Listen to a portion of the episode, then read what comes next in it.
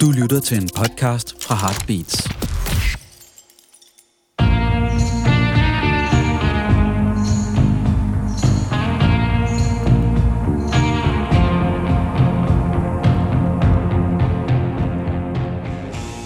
Så er det sørme blevet tid til endnu en gang rockhistorie. Og dine værter er som altid Henrik Kvejs, mand med skægget, og undertegnet Claus Lyngård, som har sådan mere wannabe-skæg og øh, i dag skal vi kigge på en amerikansk sangskriver, som vi begge to har fulgt i mange år. Øh, hun har det borgerlige navn Charlene Marie Marshall, og kalder sig Sean Marshall, men er nok mest kendt som Cat Power. Ja, jeg har altid troet, det hed Sean Marshall, men har så fundet ud af, at jeg forberedte mig til det at det faktisk udtalt Sean. Ja.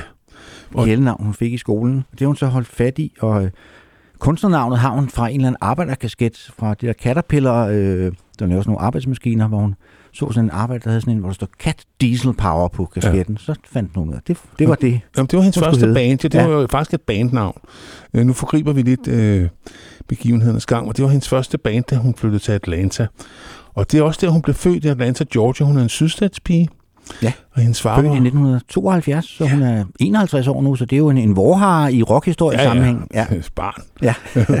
Men øh, hun, øh, hun blev født i Atlanta, Georgia, men hendes forældre blev ret hurtigt skilt. Hendes far er bluesmusiker. Hun pendler sig frem mellem sin mor og sin far og sin bedstefar. Så hun har sådan lidt rådløs øh, barndom, før hun som 16-årig definitivt flytter til Atlanta ind sammen med sin far.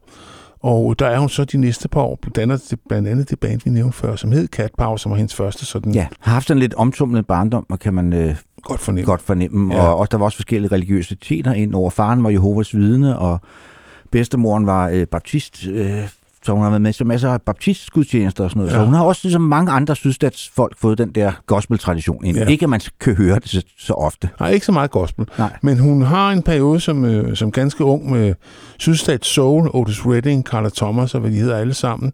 Og også Stones og Creedence er sådan de helt store dyr i åbenbaring, før hun så går postpunk, opdager Sushi and the Banshees og The Cure, som også er nogen, hun gerne name-dropper.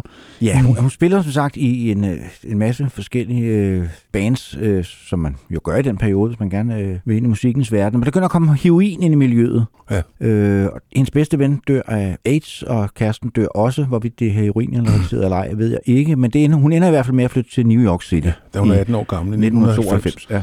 Og på det tidspunkt er der jo stadigvæk en meget, meget livlig downtown-scene. Det er på det tidspunkt, hvor øh, Sonic Youth er virkelig begyndt at, at blive mere end et kultnavn. De er kommet over på Geffen Records, de laver Goo og øh, er ved at blive ret store, altså set med øh, indie-rockens briller, øh, fordi de er jo aldrig blevet sådan et household name, det kan man jo ikke påstå. Nej, men Claus, inden vi kommer godt i gang, så skal vi måske lige fortælle anledningen eller undskyldningen til, hvorfor Ja, vi overhovedet har taget fat i, i Cat Power. Fordi hun fylder hverken rundt eller noget andet, men hun har jo altid været meget glad for coverversioner. Og så ud af hendes 11 øh, studiealbum, der er tre af dem øh, coverplader. Det er alligevel også noget, og på de, alle, de fleste af de andre, der er også smidt en coverversion eller to ind. Ja.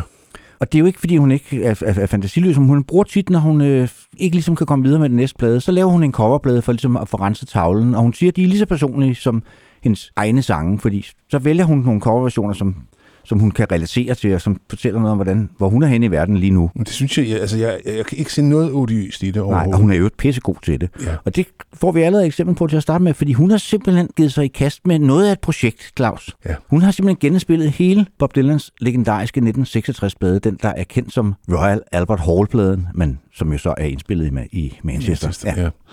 Og øh, det er jo en plade, der består af to øh, elementer. Først dengang så kom Dylan jo ind og spillede et akustisk sæt alene for poetanerne, Og så kaldte han så sit backing band, som blev kendt som The Band, øh, på scenen. Og så spillede han så materiale fra de, den elektriske trilogi der, Bring It All Back Home og Highway 61 og Blonde on Blonde. Ja, og det var en tur, som vagte masse furore, fordi der var nogen, der fik ondt i røven over, at han spillede elektrisk lige pludselig. Og det skal vi ikke fortabe os i. Den historie har vi fortalt i Ja. vores, øh, en af vores Bob Dylan podcast. Den kan man spole tilbage og høre foldet ud. Men, men det er ikke desto mindre blevet en af de mest ikoniske liveplader. Øh, det kræver en vis form for mandsmod eller kvindemod, eller hvad vi skal kalde det, at kaste sig over den plade og indspille den fra ende til anden. Men det har hun gjort. Ja, og øh, vi skal høre et eksempel øh, derfra, øh, som hun har lægge ud med, og det er intet mindre end Ballad of a Thin Man, som hun slipper ret godt fra, Det synes jeg, du har ret i, og den øh, er jo arrangementsmæssigt rimelig tæt på originalen. Men der kan man også høre, at hun er blevet en mere sikker live-performer, end hun var. Vi har jo begge to set hende nogle gange, øh, og det har været Blandet fornøjelse. blandet fornøjelse. Ja, fordi altså, i starten var hun pissefuld. Hun har jo kæmpet med alkoholmisbrug det meste af sit liv. Øh, hvad hedder det? Men, men her lyder hun, øh, som om hun har styr på tingene, Claus. Og så er det Ja. også, også sådan en lidt sjov lille hilsen, fordi hun starter jo så med at sige, Jesus. Og det er jo selvfølgelig en, en kommentar til den der berømte øh, Judas, Judas. øh, som en publikum skreg i sin tid. Og så har hun også senere sagt, at jamen, Jesus, det faldt hende også naturligt, fordi han, han er jo en guddommelig inspiration for alle, der skriver sange. Det kan Det jeg er nok svært ikke- at okay, så Ja, ja. uenig i, ja.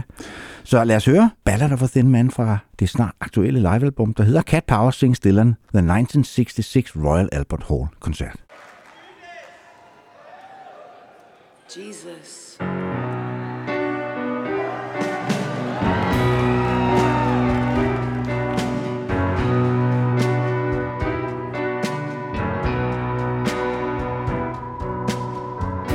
Walking in the room with your pencil in your hand. You see somebody naked and you say, Who is that man? You try so hard, but you don't understand just what you will say when you get home. Cause something is happening here,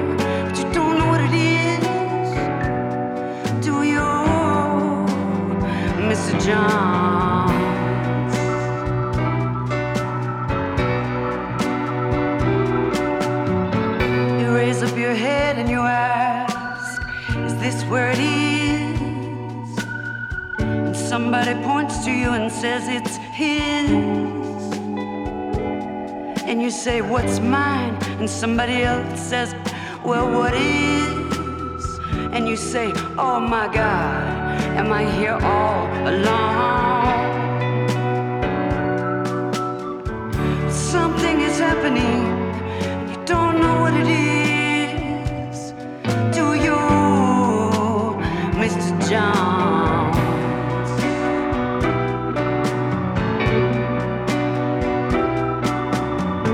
You hand in your ticket and you go watch the geek. Who immediately walks up to you when he hears you speak. And he says, How does it feel to be such a freak? And you say, Impossible, as he hands you a.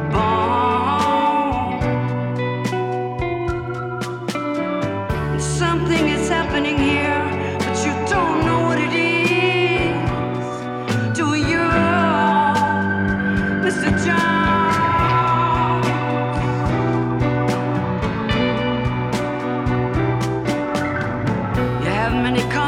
contacts among the lumberjacks to get you facts when someone attacks your imagination. But nobody has any respect anyway, they already expect you to give a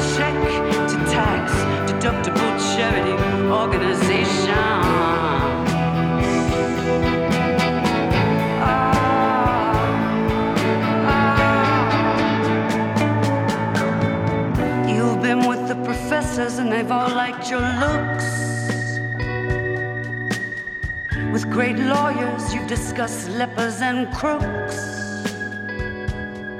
You've been through all of Scott Fitzgerald's books. You're very well read, it's well known.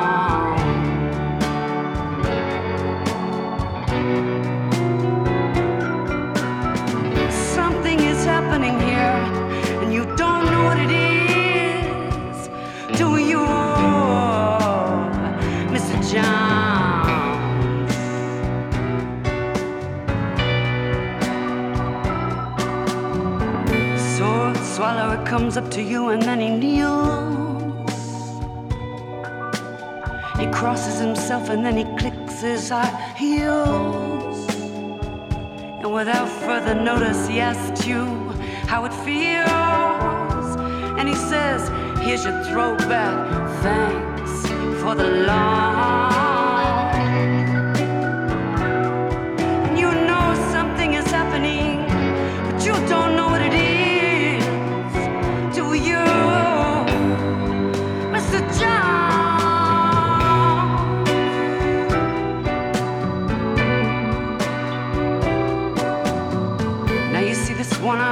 Midget shouting the wood now. And you say, for what reason? And he says, how? And you say, what does this mean? And he screams back, you're a cow.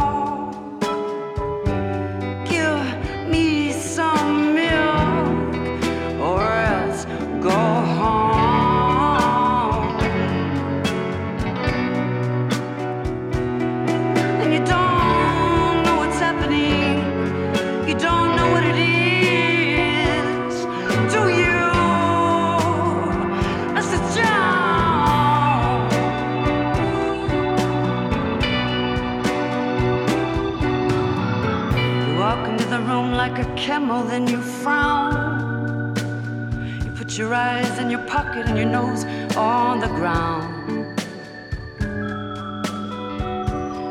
There ought to be a law against you coming round.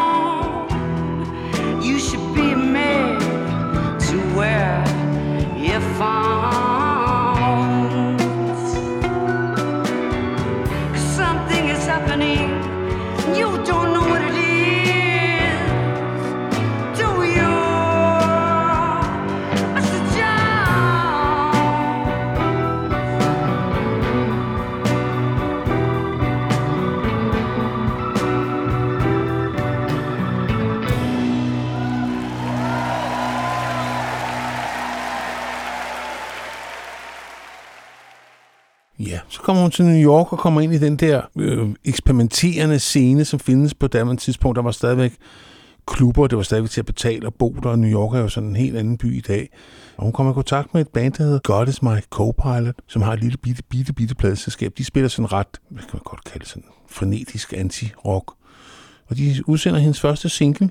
Headlights, som Headlights, kommer ja. på noget, der hedder Run Records i ja, blot 500 eksemplarer. Men hun genspiller så det nummer på det, der bliver hendes debutalbum, Dear Sir, som kom i 1995, som hun indspiller sammen med Steve Shelley fra Sonic Youth, som du var inde på før. Uh, han ser hende varme op til en Les koncert og, og foreslår, at de laver en plade sammen. Og så hiver de en guitarist ind også. Tim Fotian fra ja. Two Dollar Guitars. Ja, og de indspiller så på en dag indspiller de 20 sange i det Ja. der meget intimistiske studie, og de 20 sange er det, der bliver hendes to første plader. Ja. Hun udspiller først ja, Dear Sir, som vi skal høre nummer fra, i 1995, og året efter kommer så Myra Lee, og de stammer fra samme, øh, samme session. Men Headlights er jo sådan en anden version, fordi på single-versionen, der er der en eller anden, der filer løs på en ustemt violin. Og det har de alligevel tænkt var for hardcore øh, for folket, så den er, er mixet væk Ja. i det her øh, ombæring. Det er og- stadigvæk us- ekstremt low-fi. Det er det. Det er, vi er stadigvæk i indie-land her. Altså hun gennemgår jo en ret voldsom transformation igennem, og det vil man også kunne høre igennem det her program. Men hun starter virkelig i, ja, indie-land. Ja. Og det er en sang, der handler om en øh, person, som er ved at dø øh, efter trafikuheld. Ja, sangen hvad hedder, udspiller sig både med, at hun, hun ligger og siger det af vejkanten, mens hun er ved at dø, plus reminiscenser fra en samtale, som hun havde i bilen åbenbart lige inden hun døde. Det er jo tit sådan med, med Cat Powers tekster, de er sådan sjældent en til en, der er rum for fortolkning. Men, og selvom vi siger, at det er skramlet og så videre, det, og det er de første øh, numre, vi skal høre her, så kan man allerede høre, at hun faktisk er en god sangskriver. Helt sikkert. Så ja, lad os høre Headlights fra albumet Dear Sir, der som sagt kom i 1995.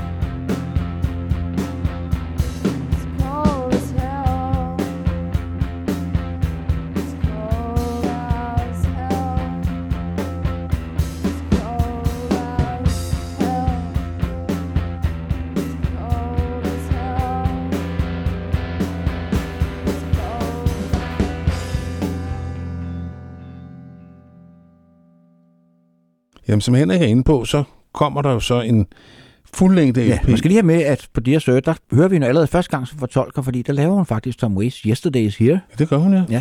Det er rigtigt. Øh, jamen, og, og det fortsætter hun med på Icewater, der synger hun jo Hank Williams, Still in Love. Så Ja, det er en tradition. Hun er jo Southern Gal, så selvfølgelig skal hun have en Hank Williams ind over. Selvfølgelig. Ja. Men øh, du har valgt nummeret Icewater. Ja, og det fra- skal høres med, at Mario Lee-pladen, den kom jo så på Steve Shelley's eget pladselskab Smells Like Records. og kom kun som CD. Jeg tror aldrig, den er kommet på vinyl, faktisk. øh, Så vidt jeg er orienteret. Så Nej, det er ved det en, faktisk ikke. Ja. Ja, Men det er jo endnu en hyggespreder af Icewater, for den handler så om et voldtægtsoffer. Øh, der er blandt andet en linje, I can take 1000 showers and never be clean. Ja, men øh, hun, øh, hun har aldrig været bange for, hvad skal man sige, de tunge emner, og hun får jo også lidt sådan et, øh, et, en titel som Queen of Sadcore på et tidspunkt, som hun ikke opponerer imod. Det var sådan en genre, der var meget populær. øh, Morphine og Codeine, og der var sådan nogle ja. Bands, der spillede langsomt. Der var ikke fyldt meget på. Nej. sådan er det også med hende i starten. Så lad os, without much further ado, lad os høre hende, hendes øh, Icewater fra Murray Lee, der kom i 1996.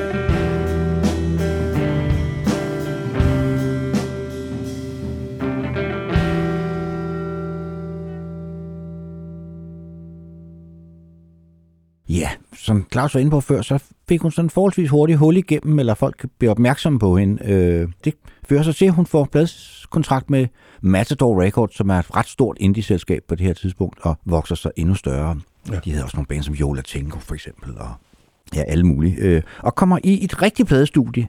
Ikke at man for så vidt kan høre det meget tydeligt på den, der hedder What Would the Community Think? Som også kommer i 96. Ja. Ja. tredje plade, og som også er produceret af Sif Shelley. Det er måske derfor, den stadig har den der sådan meget skræmmende lyd. Den sidste gang, hun faktisk har en producer på, så vidt jeg husker. Der kommer så en til senere hen, men de næste plader producerer hun selv. Øh, og vi, jeg har valgt nummeret Nude as the News. Der også som- kom som single jo. Ja, og som jo også er en munter sag, fordi den øh, historien om en abort, hun selv fik foretaget som 20-årig. Ja.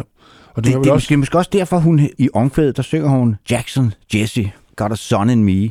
Og Jackson Jesse, det er simpelthen et, et shout-out til Patti Smiths to, to børn. Hun er jo meget stor Patti Smith-fan. Og det er måske også en eller anden identifikation, fordi Patti Smith fik jo selv som 19-årig, det var før aborten, så hun føder jo et barn, som hun bortadopterer. Bortadopterer. Det var måske det, hun også, altså du ved, hun var heller ikke i stand til at, at blive mor som Nej. så, så ung. Øh, og ofre karrieren for det og sådan noget. Jeg ved ikke, om det er det, der er en identifikation med, men det kunne man godt forestille sig. Ja, så hører det også med til historien, at hun er blevet kæreste med en, en figur, vi skal komme til at høre meget til senere. Bill Callahan fra bandet Smog, øh, som hun jo siger, er en af de få sangskriver, hun har ladet sig inspirere direkte af. Hun på øh, What Would the Community Think, der synger hun jo faktisk, eller fortolker hun et af hans øh, numre fra Smogs fjerde plade. Ja. Øh, Så øh, han er sådan en fyr, der kommer til at spille en, en rolle, ikke kun øh, på det personlige plan, men også på det professionelle, fordi som hun siger, jeg har aldrig set nogen, der spillede så skørt på guitar som ham. men vi skal høre Nude as the News.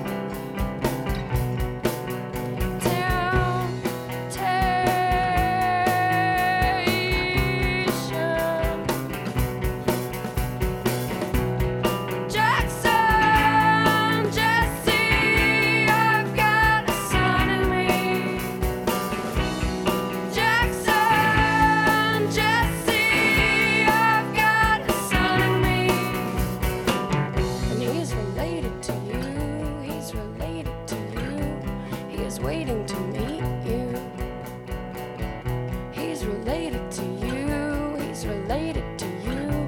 He is dying to meet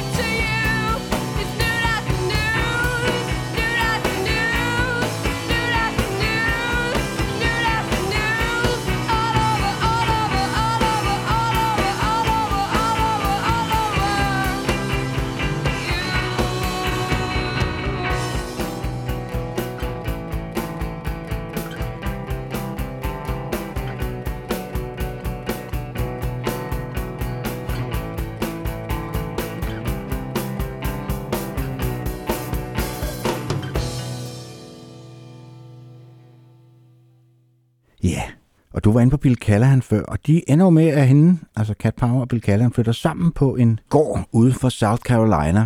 Og så tager hun han på tur, hun er alene på den her gård, og har åbenbart et meget, meget, meget voldsomt mareridt. Altså, hvor hun ser spøgelser og alt muligt. Og hun, hendes eneste, kan man sige, værn mod, mod det der, hun er jo helt alene der langt, langt ude på landet, det er at tænde for båndoptageren, og så begynde at synge. Og så øh, indspiller hun i over en time, siger hun, altså hvor hun bare sådan improviserer frem. Og det, hun improviserer frem, skærer hun så senere op til nogle sange, som er det, der kommer til at udgøre grundstammen i det album, der hedder Moonpix. Det var også der, hvor, hvor, hvor jeg blev opmærksom på Ja, der var... Det tror jeg, der var mange, der gjorde. Det er på mange måder en gennembrudsplade. Ja, det er det.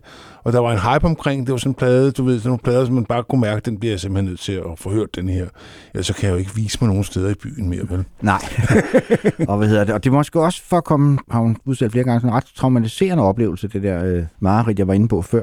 Hvad hedder det? Og man skulle komme på afstand af det, så lykkedes det hende at få overtalt pladselskabet Matador til, at hun skal til Australien og indspille den næste Ja. plade. Og der møder hun så det der band, der hedder Dirty Three, som de fleste måske kender på grund af Warren Ellis, som jo har arbejdet sammen med Nick Cave i mange år. Men det er faktisk de to andre medlemmer af Dirty Three, hun bliver pals med, Mike Mick Turner og Jim White. Og det er dem, hun indspiller albumet Moonpix sammen med. Ja, men først er fester hun, hun først- fester i tre måneder. Det gør hun øh, blandt andet meget sammen med Will Oldham, øh, ja. som nogen også kender som Bonnie, Bonnie Prince Billy, ja. ja.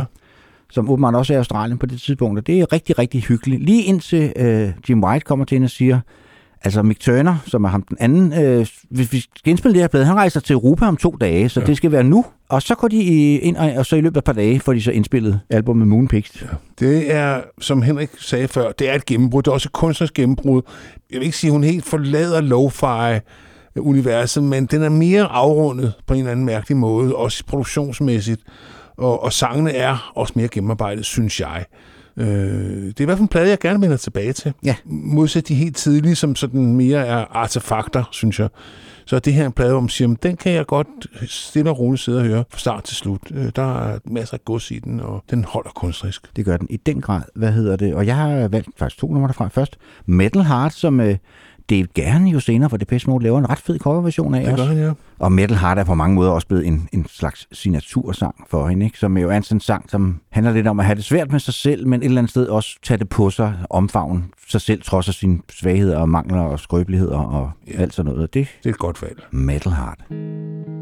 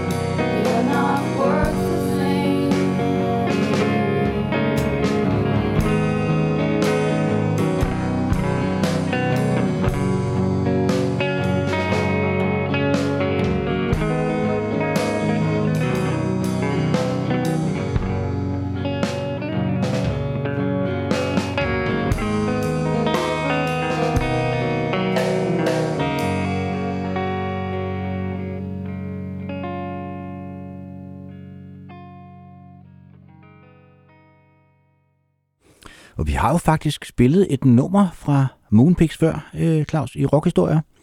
Fordi da vi lavede vores øh, program om druksangen, der spillede vi Moonshiner, som er en coverversion af en gammel traditional, som ja, handler om Ja. Trad, vores gamle ven Ja, Trad. vores gamle ven Strat, ja. Det er rigtigt. Ja, som Bob jo også har lavet en, en Ja. version. Jeg tror, det er der, hun har hørt den. Det er sandsynligvis, ja. Men, men øh, hun, altså, denne her Metal Heart og det næste, vi skal høre, Crossbone Styles, er begge to sange, som fik inspiration, eller hvad man skal kalde det, fra det der frygtelige mareridt, du beskrev før, hvor hun jo nærmest hallucinerede.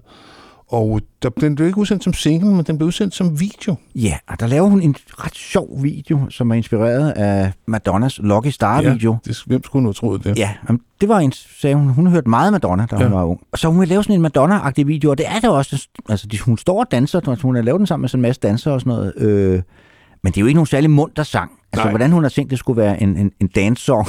det, Nej, men det var, altså, det var noget, de fandt frem til øh, åbenbart ifølge en interview, jeg læste med hende, at de synes, de vil trække i en anden retning. I stedet for ligesom at gå ind i sangens univers, så ligesom trække den et andet sted hen visuelt. Og det gør jo også, at der er sådan en eller anden sammenstød der, som fungerer meget godt, synes jeg. Ja, den fungerer rigtig, den, rigtig den Er godt. sådan, den, det, vil kalde en et løjerlig sag.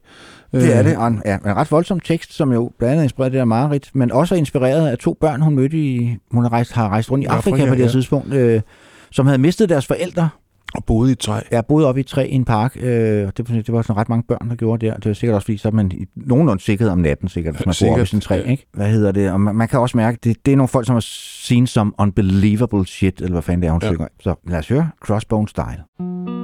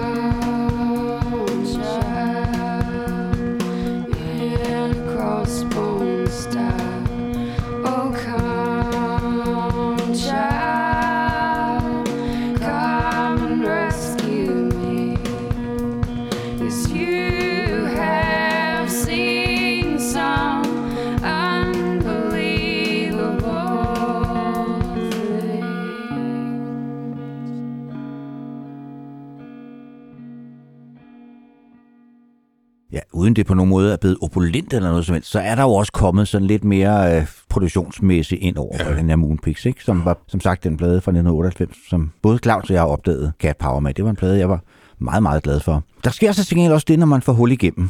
Altså, så begynder der at komme forventninger, og der begynder at komme opmærksomhed omkring ens person osv. Det har hun det ret svært med.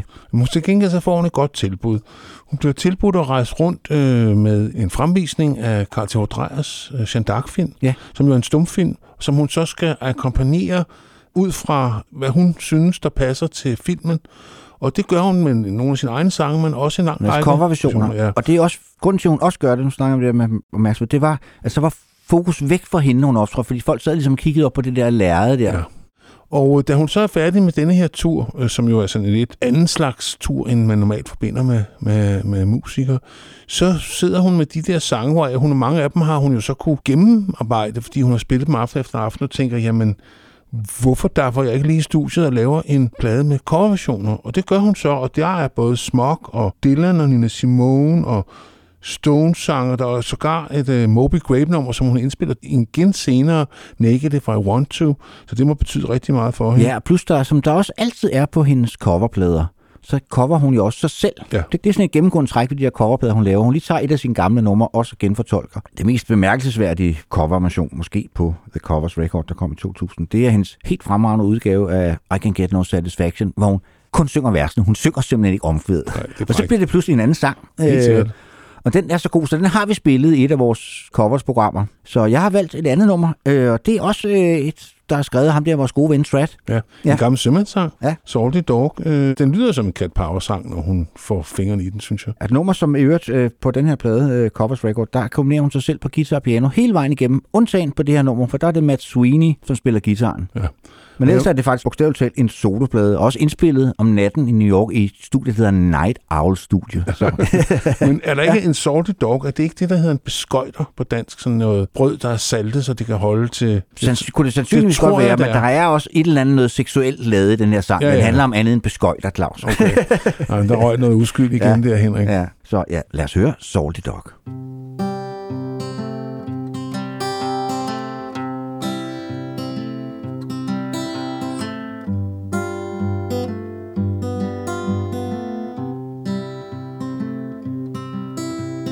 Salty dog, salty dog. I don't wanna be your antidote. Honey, let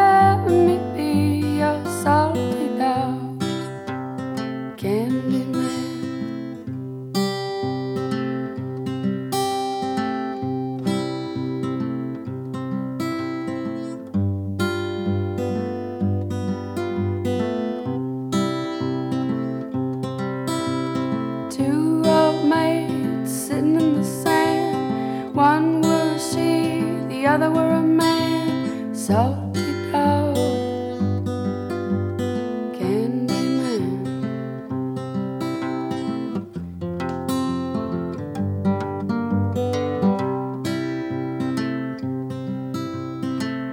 Worst day ever had in my life.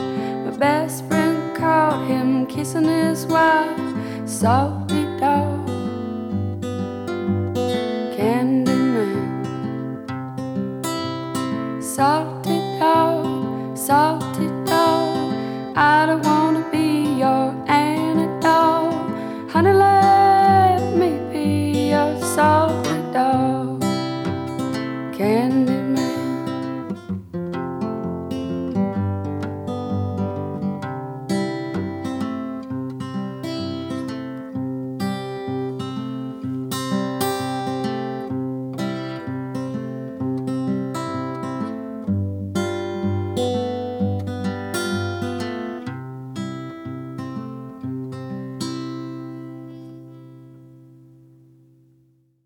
Nu har jeg så lige googlet. Det er en øh, umulig sømand, øh, som har været alt for meget på, længe på havet. Okay, jamen det, Det er en salty ja, dog. det er intet med beskøjter at gøre, Henrik.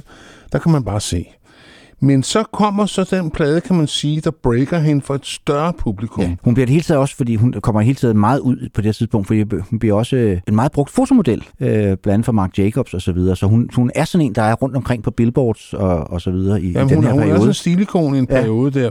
Har meget sådan personlig tøjstil, som mange øh, tøjdesignere lader sig inspirere af. Så ja, det er rigtigt. Hun bliver face, som Ja. hed i 80'erne. Og så, så nåede hun så endnu bredere ud med den, der hedder You Are Free, hvor der også er medvirkning af både øh, Dave Grohl fra Nirvana og Foo Fighters, og øh, Eddie Vedder er med på den. Og så er det den tredje Dirty Tree, Warren Ellis er også med på ja. her. Men det første nummer, vi skal høre, det er igen en coverversion af en øh, sådan en outsider folksanger, der hedder Michael Hurley, som faktisk har været helt vanvittigt produktiv. Han har udsendt sit første plade i 1964. Han er 81 nu, og hans sidste kom i 2021. Ja, og jeg må indrømme, jeg havde ikke hørt om ham før Cat Power indspillede det her Nej, det nummer, Werewolf. ikke. Nej, det var ligesom hende, der sagde, der findes, han findes. Altså, det lyder som en Cat Power-sang. Det er Det et pissegodt nummer, og det er blandet også rigtig, rigtig godt på grund af strygearrangementet, som er lavet af David Campbell, som øh, jo har medvirket på, kan jeg læse mig frem til, over 450 guld- og platinplader. Tag den. Fra alt fra Rolling Stones til Beyoncé.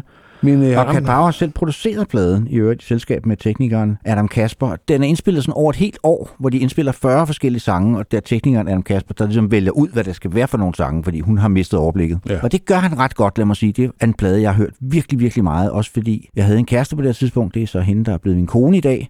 Hun var meget glad for den her plade, Claus. Ja. Kender du ikke det? Jo.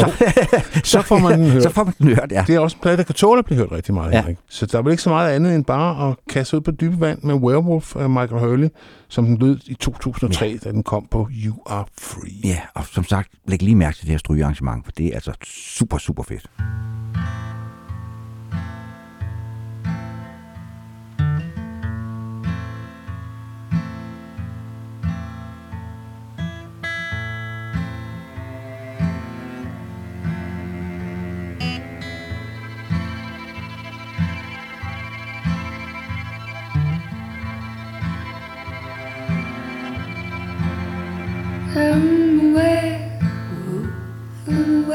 Well, come stay right along. You leave him, break the branches we's gone.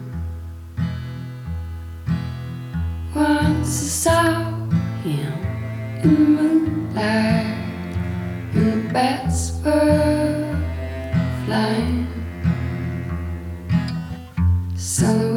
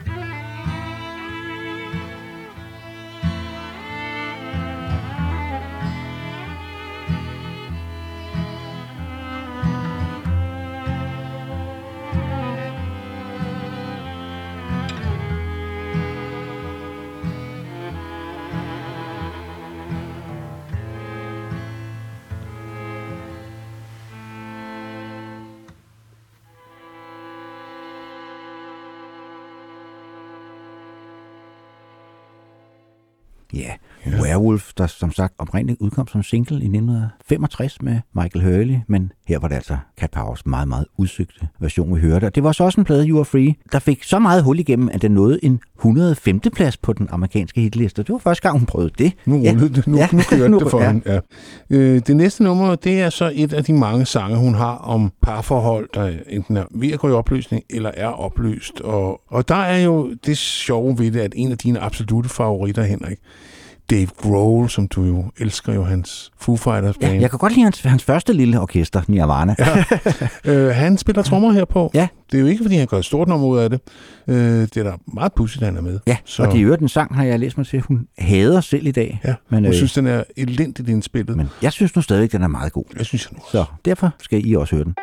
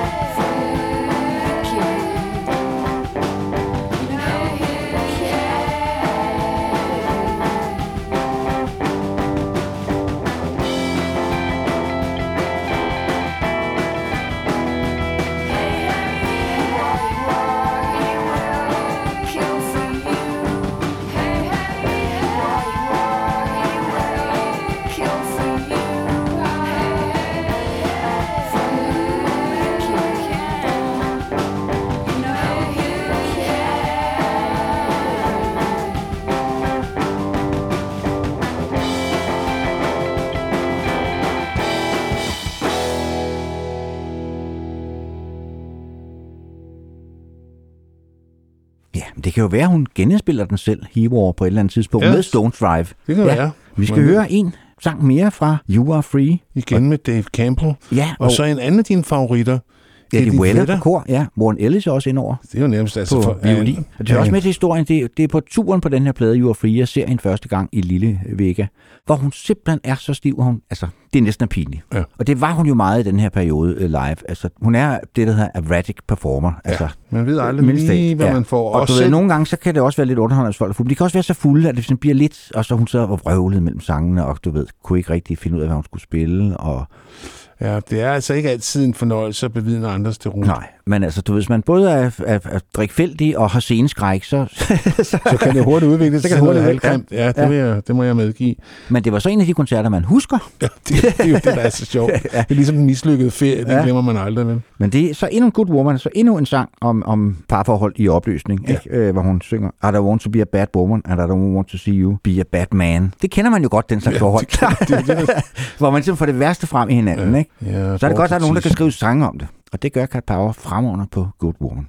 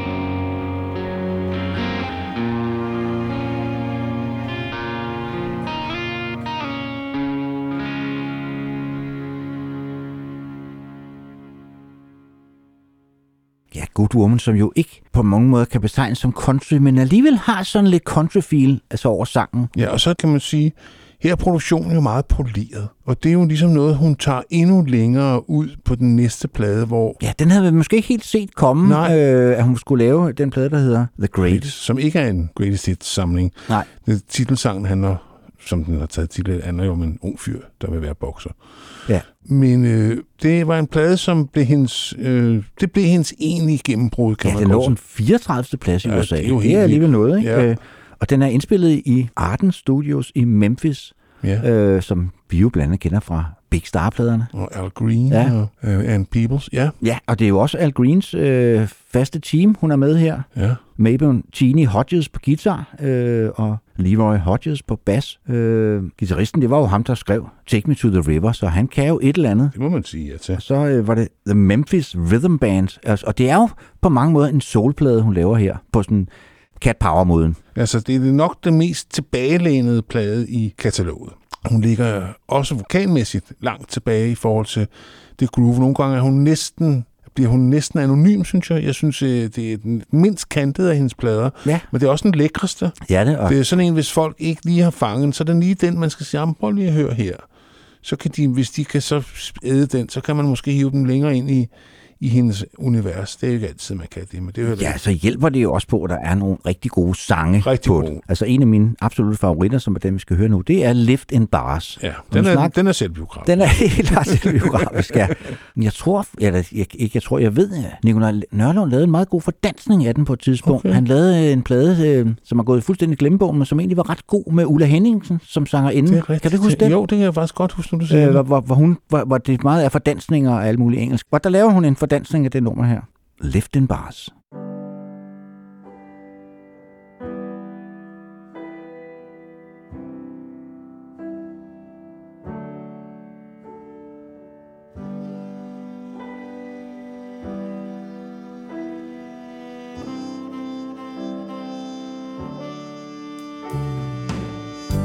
lived in bars and danced on tables, hotels.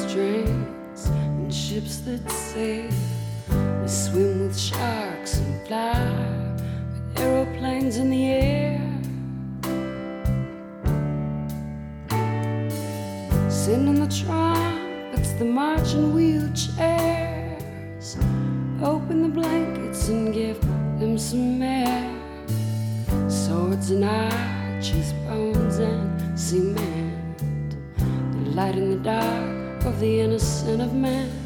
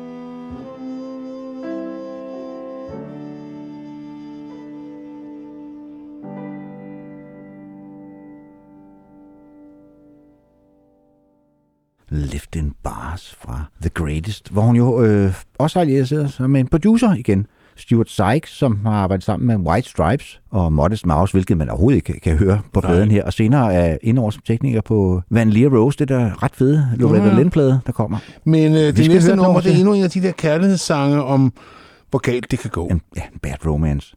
Og hvor der også er et ret fedt øh, strygearrangement, øh, hvor jeg tror, hun har lyttet lidt til soundtracket, eller hvem der nu har arrangeret de her stryger til soundtracket til Psycho. Der er sådan lidt Nå, psycho støj. over det, ja. Jamen, det her kan der faktisk godt være noget om, Henrik. Så ja, Ja. ja, Love and Communication, som handler nok om decideret modsat af de to ting. der er hverken meget kommunikation eller kærlighed i det her forhold, har man indtryk af.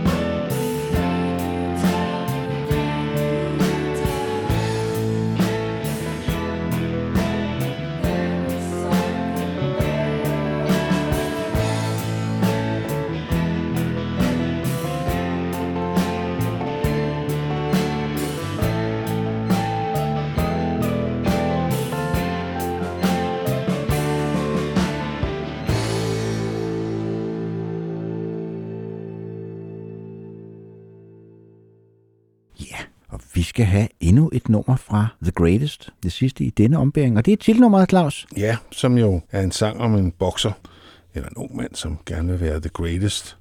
Og det er jo, kan Ja, man eller måske allerede har indset, at det bliver han ikke. måske altså, det, ja. øh, det er jo lidt det samme, der spiller sig ud i Paul Simons bokser. Ja, Øh, altså det der sportsudøveren, den enige sportsudøver, som parallel til soloartisten, ikke? Øh, ja, en sang, Ja. som virkelig fungerer godt, synes jeg. ja, en rigtig, rigtig god sang. Og, det, det der bokserudtryk øh, går også helt ud i coveret, fordi der er sådan et par forgyldte boksehandsker, øh, som hænger i sin, i sin halskæde. Så- Det er en bokser, som man har indtryk han sidder sidst på, på aftenen på et eller andet tidspunkt, og once I dreamed of being the greatest, og Ja. har han stadig den drøm, eller har han den ikke? Det står ikke helt klart Nej. i sangen. Øh, der er sådan lidt desillusion ind over den også, ikke? Ja, og, også og på en måde er der også det der med at tage det på sig, at man bliver måske ikke den største, men det skulle man måske så heller ikke. Altså, der, der er sådan flere lag i den, og det ja. er Ja. der ofte i hendes sange. Altså, hun er faktisk en, altså, en ret god tekstforfatter også. Det er hun, ja. Altså, når man- tricky, ja, når ja. man læser dem, synes jeg Ja, også. der er faktisk ikke så meget ved denne Cat Power, vi, vi Ikke andet kan end, at hun ikke er nogen sådan driftsikker performer. Nej, det kan man ikke sige.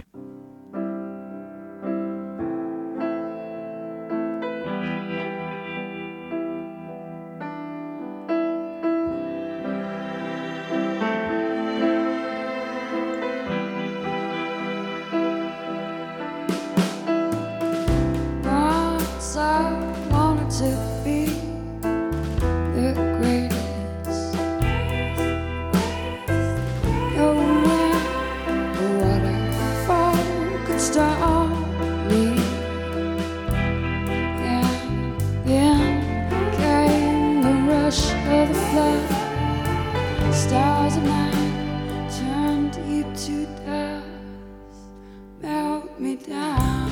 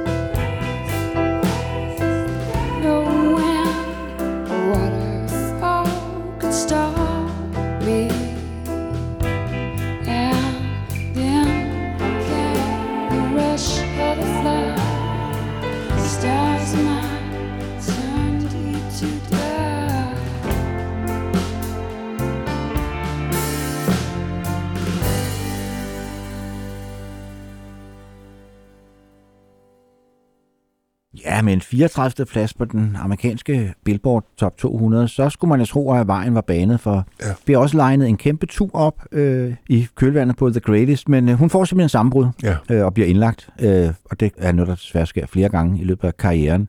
Så den bliver simpelthen aflyst, den der tur. Men det har der så godt, at hun, i hvert fald, hun bliver ædru i hvert fald for en periode. Ja. Så den, og så igen, når hun har den lidt svære periode i sit liv, Samtidig med, at hun har det her sammenbrud og så videre, så bliver hun til gengæld også øh, endnu en gang model for øh, Chanel, og det er hende, der laver musikken, da Karl Lagerfeldt, han præsenterer sin 2007 øh, modekollektion og så videre. Så, Det er også meget sjovt at nævne, at hun øh, medvirker på hyldespladen til øh, Gainsbourg, Gainsbourg, den der hedder Monsieur Gainsbourg Revisited, hvor hun synger Chatham i duet med Karen Elson, ja, det er rigtigt. hvor hun er Jane Birkin, og så Ja. ja. Karen Elson er... Ja. Ja. Og hun er også med på en hyldesplade til Yoko Ono, Yes, I'm a Witch. Øh, og altså, hun laver rigtig mange ting. Vi kan jo kun lige skrabe overfladen. Hun er trods sammenbruden og alkoholen og alt det der jo faktisk ret øh, produktiv på mange måder. Men hun gør det, laver det så vanlige trick, eller ikke det så vanlige, hun laver endnu en øh, plade med coverversioner. Ja, Jukebox hedder den, øh, og igen med Stuart Sykes som producer. Og Og hun- hun samler det, der hedder The Dirty Delta Blues Band, øh, blandt andet øh, Judah Bauer fra John Spencers Blues Explosion øh, er inde over. Og hvad hedder det? Men der er så også en, en, en udover hun fortolker sig selv, og så, så er der faktisk en ny egen komposition på Jukebox, Claus. Og det er jo så en hyldest til Dylan. Ja. Song to Bobby. Så der, er- det er åbenbart noget, han er åbenbart sådan et genkommende motiv. Hun synger også en af hans sange der på. Hun synger Joni, hun synger Hank Williams igen, Billie Holiday, Nick Cave. Og det der Moby Grape nummer, jeg nævnte før, Naked, det er fra Ronto. Det tager hun lige og giver en tur mere med Nation. Og så Gud dødende har hun jo Spooner Oldham med på øh, klaver og orgel, og så tager jeg også en af hans sange, som skrev med Dan Penn, A Woman Left Lonely, som de jo skrev til Janis Joplin på hendes sidste plade, så hun kommer rigtig go- godt rundt i det. Det må man sige, og hun, i den her periode er hun jo også med på Becks, i hans far øh, har været inde over som, som Ja. hedder strygearrangør. Øh, på hans plade Modern Guild synger Ja. hun et par sange, og så laver hun en genindspilning af Bowie Space Odyssey, som bliver brugt i en øh, Lincoln bilreklame. Ja, Ja. langt ude. Ja. Jeg vil sige, du har fuldstændig ret kludet på pladen. Altså, det er, øh, det, den er fin nok i og for sig, men det er Song to Bobby, det er den, man ligesom vender tilbage til, synes jeg. Ja, og som åbenbart er skrevet øh, på stedet. Altså, den, den er skrevet og indspillet samme dag, hvor hun får en invitation til at møde Bob Dylan. Okay. Øh, og det får- kan jo godt være lidt angstprovokerende. Ja, ja, ja. Jeg har mødt ham. Ja. Det er angstprovokerende. Ja, og så laver hun den her Song to Bobby, som selvfølgelig også spiller på Bob Dylans Song to Woody, som han skrev til sin held. Selvfølgelig, Ikke? ja, Altså, ja. Så sådan hænger tingene sammen, som Ja, ja, ja. vi plejer at sige her i rockhistorier. Jamen, hvad er det Bowies sang til Dylan hedder på Honky Dory? Nå, det kommer vi i tanke Ja, om. det gør du. Lige. Men hører vi Song to Bobby, mens du kommer i tanke om det, Claus?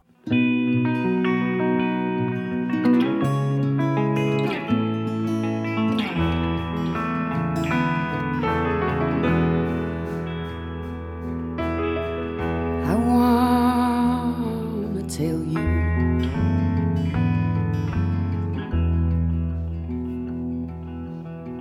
I've always wanted to tell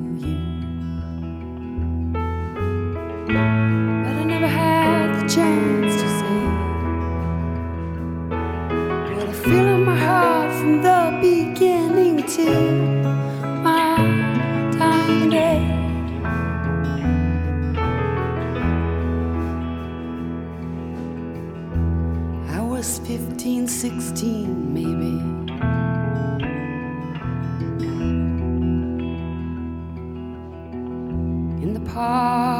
to my dying day I was 15, 16, maybe. In the park, I was waving my arms. You were wet with sweat. And you sang the song that I was screaming. I wanted you to.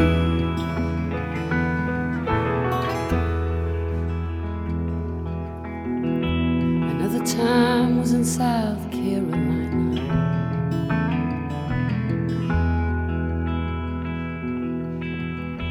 always been the third on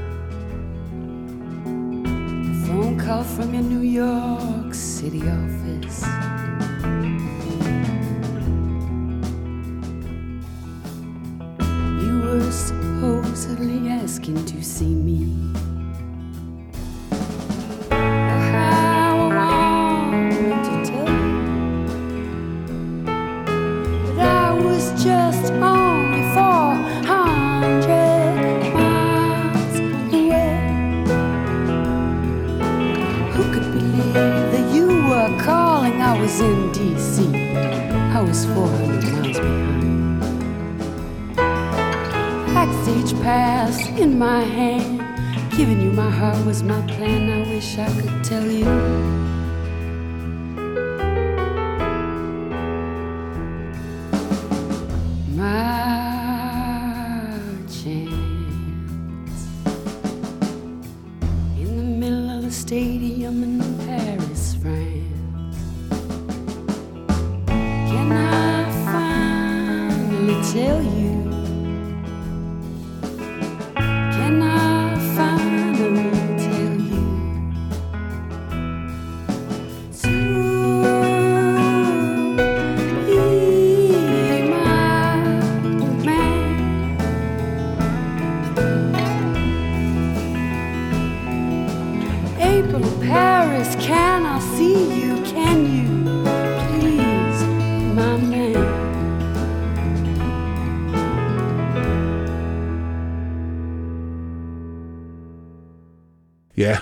Bogsang, vi kunne komme i tanke om før, den hedder Song for Bob Dylan.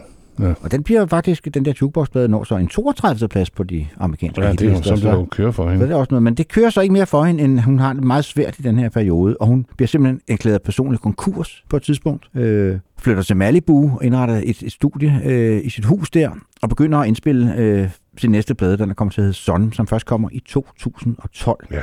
Og som hun faktisk, øh, for at der ikke er nogen, der skal blande sig i, hvordan den gør, så sætter hun simpelthen sin pensionsopsparing ind Ja. ja. på at indspille den her plade Som, som også, er meget, meget vellykket, og igen er noget helt andet, fordi det er jo sådan en meget elektronisk plade. Ja. Øh, og det er måske også, fordi den er lavet hjemme i et hjemmestudie, og så nok også, fordi hun har fået Philip Sadar øh, fra den franske duo Cassius til at mixe den. Ja. Han og Cassius var jo sådan en del af hele den der franske, fra franske bølge, også med Air og Daft Punk og Saint-Germain og Etienne de Crécy, og hvad de hed alle sammen. Der var sådan, der var sådan en helt bølge, at, Ja. at selvom de ikke lød ens, så havde de en eller anden... Ja, fransk house, ja. Ja. ja. Jamen, det er rigtigt. Og, altså, og hun spiller alle instrumenter selv på pladen. Ja. Og øh. Det når så 10. pladsen. Det går jo meget godt, selvom der begynder at gå lang tid mellem hendes øh, udgivelser nu. Ja. man sige. skal høre også med til historien om denne Philip Sadar. Han døde i 2019. Han faldt simpelthen ud fra en bygning i Paris. Nå, fast. ja. Og i øvrigt så øh, på Son, som er en rigtig god indgang til, hvad hedder det, Cat Power. Altså den er lidt atypisk, men det, det er en plade, som er meget svær ikke at holde af. Det, Ja. ja. det er sådan en, alle kan lide, ikke? Ja, for den er en af de der plader, der egner sig til alle lejligheder. Ja. Glad eller trist, eller det er sgu lige meget. Hvis man sætter den på, den, den kan det hele.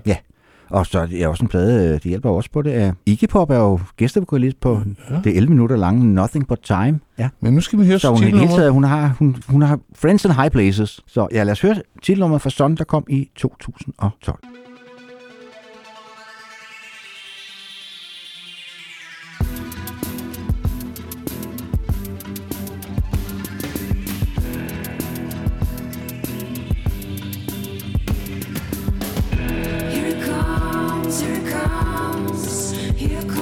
desire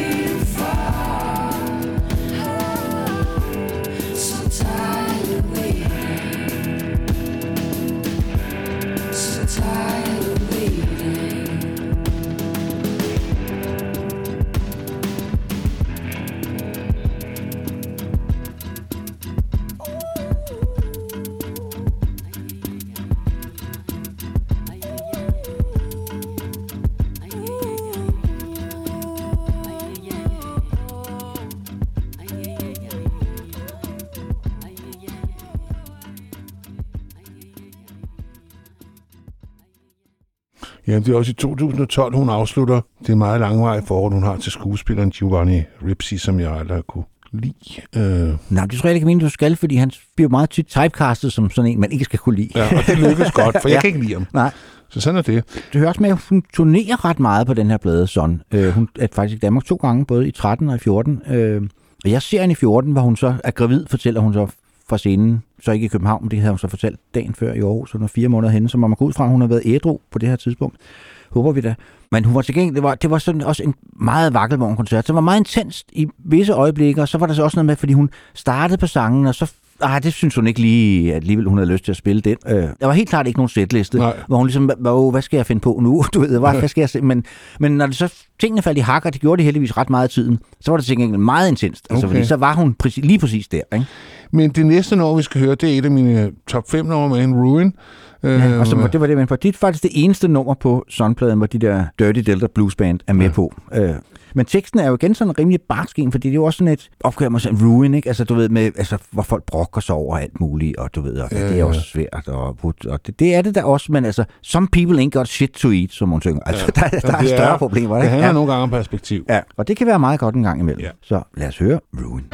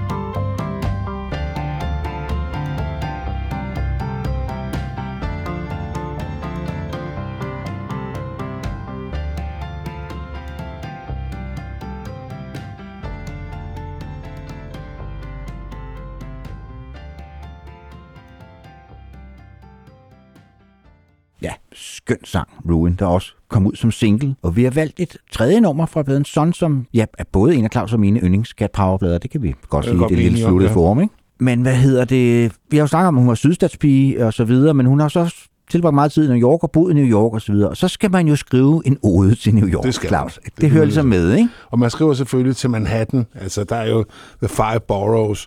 Men det ender meget tit med, at oderne ikke er til Bronx eller Brooklyn, men det, Men mindre man er Beastie Boys, ikke? jo, ja, selvfølgelig. ja. Der er rigtig mange sange til Manhattan. Det kan vi godt blive enige om. Det er det. Øh, hvad hedder det også? fordi Det er den der ikoniske skyline og så videre. Men så var det jo også der, hun boede jo faktisk på Manhattan Ja. og kom til New York, fordi hun er jo hun er fra den gang, hvor man stadig havde råd til at bo på Manhattan, Det rigtigt, øh, ja. hvis man ikke var børsspekulant. Ikke? Jo. Og det synger hun jo faktisk også i sangen. Hun elsker New York og så meget, men den er simpelthen blevet for dyr at leve i. Ja. Altså det er det, der sker med mange byer. Nu sidder vi her og kigger ud på Københavns skyline, og København er jo også ved at bevæge sig i den retning, hvor Det almindelige man mennesker skulle ikke længere have råd til at bo her, medmindre Ved man du, var... ved du, hvor meget jeg betalte i husleje i min første lejlighed, da jeg flyttede til? 680 kroner om måneden. Ja, jeg tror, jeg betalte 750. Men så var det også med petroleumsvarme. Okay, ja, det var jeg, altså, man skulle hente, Ja. ja. hente ned i grillen. Netop, ja, ja, og der var ikke noget bad. Nej, nej, nej. Det etagevask hed. Ja, men ja, det var i forrige årtusind. Ja, det, var, det, var mange år siden. Det ja, ja. så lad os høre Cat Powers Manhattan.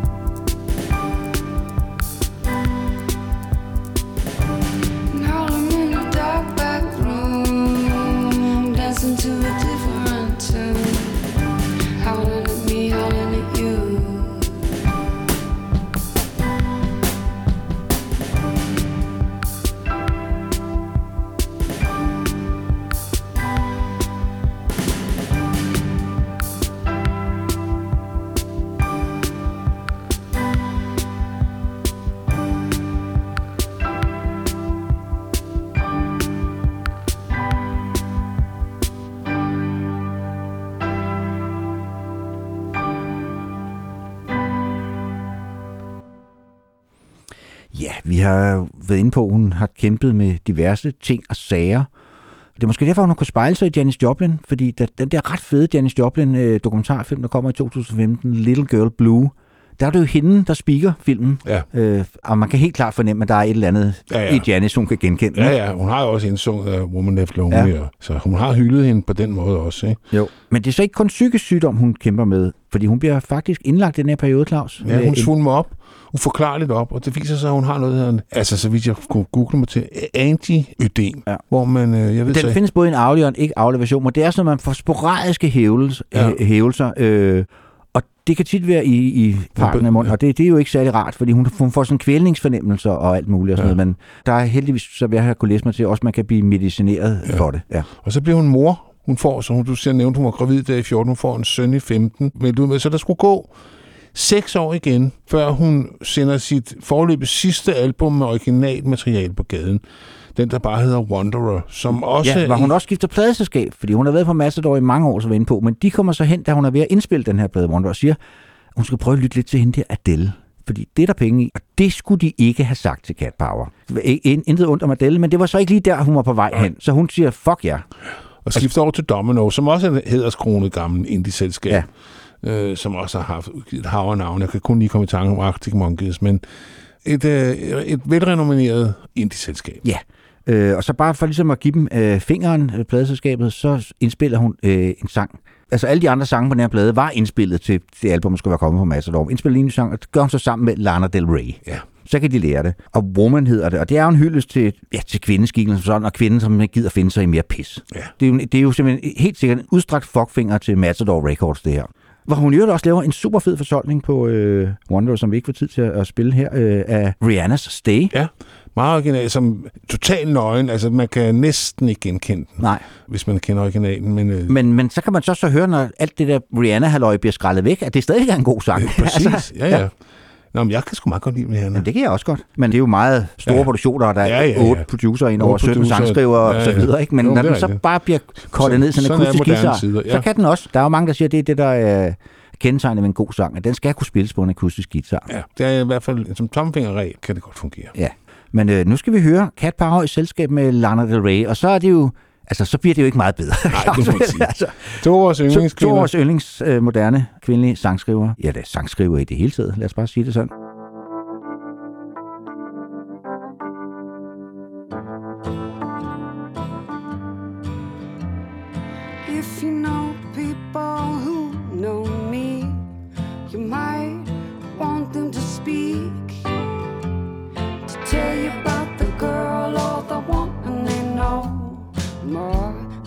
You know about me. More than you think you know me.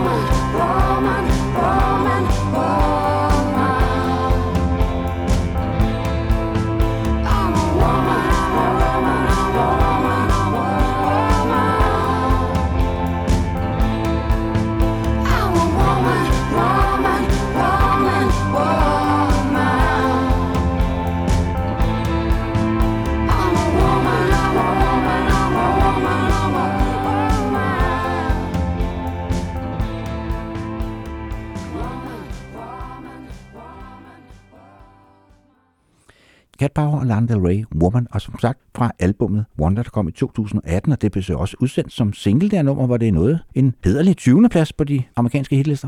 Ja, men en anden meget stærk sang på Wonder er jo sangen Black, der jo hun har åbenbart en stor dødelighed i sin omgangskreds. Ja. Fordi det er endnu en sang om en død ven. Ja, et faktisk en, som kommer og redder hende, hvor hun er nede på, altså helt nede på bunden, øh, og får, får hende ligesom ovenpå igen, men, men, selv, grundet. men selv dør, ikke? Det er det, der hedder skæbnens. Ja, og den starter også med, med hun synger noget på fransk først, og det kan vi jo godt lide. Det, er jo, det, hun synger på fransk, det er jo så navnet på, hvad hedder det, kalder manden med len. Så ja, Black fra endnu et fremragende Cat Power album, Wanderer. Og det indtil videre hendes sidste med selvskrevne sange.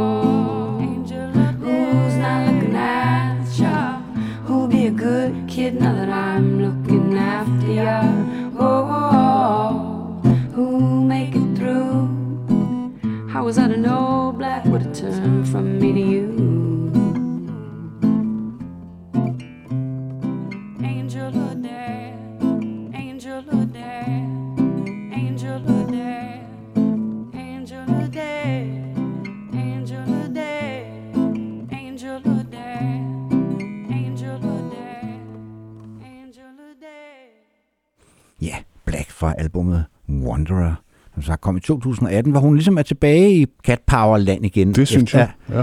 Efter at have lavet den der elektroniske sunplade. Øhm, hun indspiller så faktisk fire sange til soundtracket til den øh, film, der hedder Flag Day, som kommer i 2021. Den har vi så valgt at springe over, øh, ikke fordi jeg spiller dårlige sange, men vi kan jo ikke nå det hele.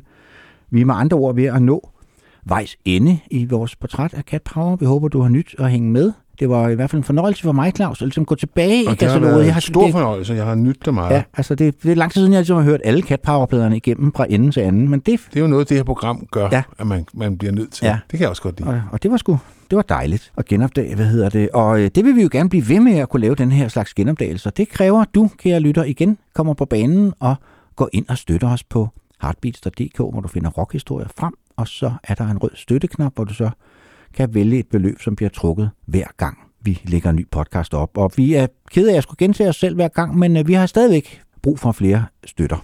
Desværre. øh, hvis, hvis programmet skal løbe rundt. Fordi ja, vi er meget glade for dem, der gør, men der er jo så desværre også nogen, der falder fra en gang imellem. Det kan selvfølgelig være, fordi de ikke kan lide det, vi laver. Det skal være dem vel eller, fordi, er, er, ja. ja. et mysterium. eller ikke har råd. Det, det er jo også en ærlig sag, men hvis man har råd og kan lide, hvad man hører, så må man meget gerne lægge en skilling. ja, det behøver ikke være eksorbitant beløb. Nej, og så kan man også være, hvad hedder det, medlem af vores lille lytteklub inde på Facebook, øh, som har faktisk har efterhånden en del aktive brugere. Øh, så der sker lidt derinde, der kan vi blive underholdt. Men vi, som sagt, vi er nået til vejs ende, og øh, vi skal høre et nummer fra hendes så tredje coverplade, der bare hedder Cover, som kommer i 2022. Hvad hedder det? Og der plejer jo altid at komme en, en stærk øh, Cat Power rigtig plade, når hun har lavet de her coverplader. Så nu har hun, og nu har hun så lavet to, fordi hun har både lavet en cover, så, så kommer der den der Dylan, som ligesom er anledningen til, at vi laver det her program. Så hvor god kan hendes næste plade så ikke blive, Claus? vi, vi forventer os meget af den. Ja. Og igen må man sige, at udvalget af sange er jo meget originalt, selvom hun er inde og røre ved nogle ting, som hun har gjort før. Hun Nick Cave og Billie Holiday. Så er hun også øh, Frank Ocean, og som Henrik nævnte, Lana Del Rey, og Iggy og Nico. Så hun er inde og en øh, country-ikon som Kitty Wells. Så Hun har ikke igen, berøringsangst. igen, nej, igen cover hun også sig selv. Hun genindspiller sangen Unhate. Men vi har nu valgt øh, hendes... Ja, eller den hedder, den hed faktisk op- oprindelig Hate, den er så blevet til Unhate Hate, nu. Ja. ja. Men vi har valgt her A Pair of Brown Eyes, øh, både fordi det er en fantastisk sang, fordi vi elsker Pokes, det er jo et nummer fra et helt fantastisk øh, Rum and the Lash-plade, der kom i 85, som vi råhørte Claus Ja, dengang. det må man sige. Det var meget der måske, at jeg sådan virkelig fik øjnene op for, for irsk musik. Ja. Øh, på, en, på en måde, altså jeg vidste godt, kendte en masse irske kunstnere, men, Ja, ja, Men det- men de tog den lige et andet sted hen end Ja. Shiftons, ikke? Det gjorde Og de ja. og sådan Ja. noget. Ja. og Jeg det er selvfølgelig Shane. McGovern, der har skrevet den, og han lever mirakuløst nok endnu. Ja, må man det sige. er en, en sang om, om, ja, som mange gode sange er, om krig og kærlighed. Ja. Klart. Og som udspiller sig omkring Første Verdenskrig. Ikke? Øhm, om som en, en, en, en fyr, som kunne huske et par brown eyes fra før krigen, og nu efter krigen har man, render han rundt og leder efter de der brown eyes, selvfølgelig uden at finde dem, og så drikker han helvedes masse brudt undervejs. Ja. Det er jo den eneste måde at løse det problem på. Ja, og så, øh, så er den også ret, fordi hun tager den jo igen, som hun ret tit gør med de her covers, skræller det meste væk, og her akkommoderer hun bare sig selv på melotron. Der er simpelthen ikke andet end Cat Power og så en melotron. Og øh, ja, skøn sang. Ja, og tak for denne gang, og tak fordi I lytter med, og på genhør, som man siger. Ja, og som sagt, Cat Power, Pale Brown Eyes, som hun kommer i 2022, den bare hedder Cover, som er endnu en glimrende coverplade med Cat Power.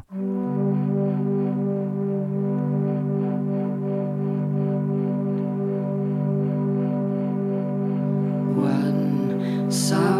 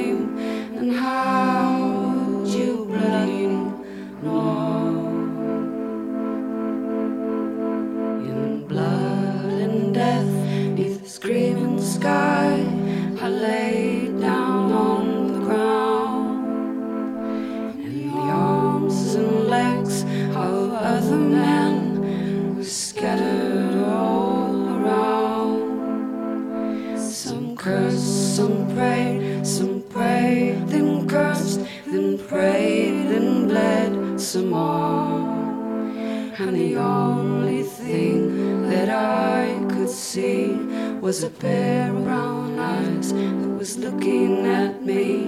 But when we got back, labeled parts one, two, three, there was no pair of brown eyes waiting for me. And I'll rove and I'll rove and I'll rove and I'll go and I'll rove and I'll rove and I'll rove and I'll go and I'll rove and I'll rove and I'll rove and I'll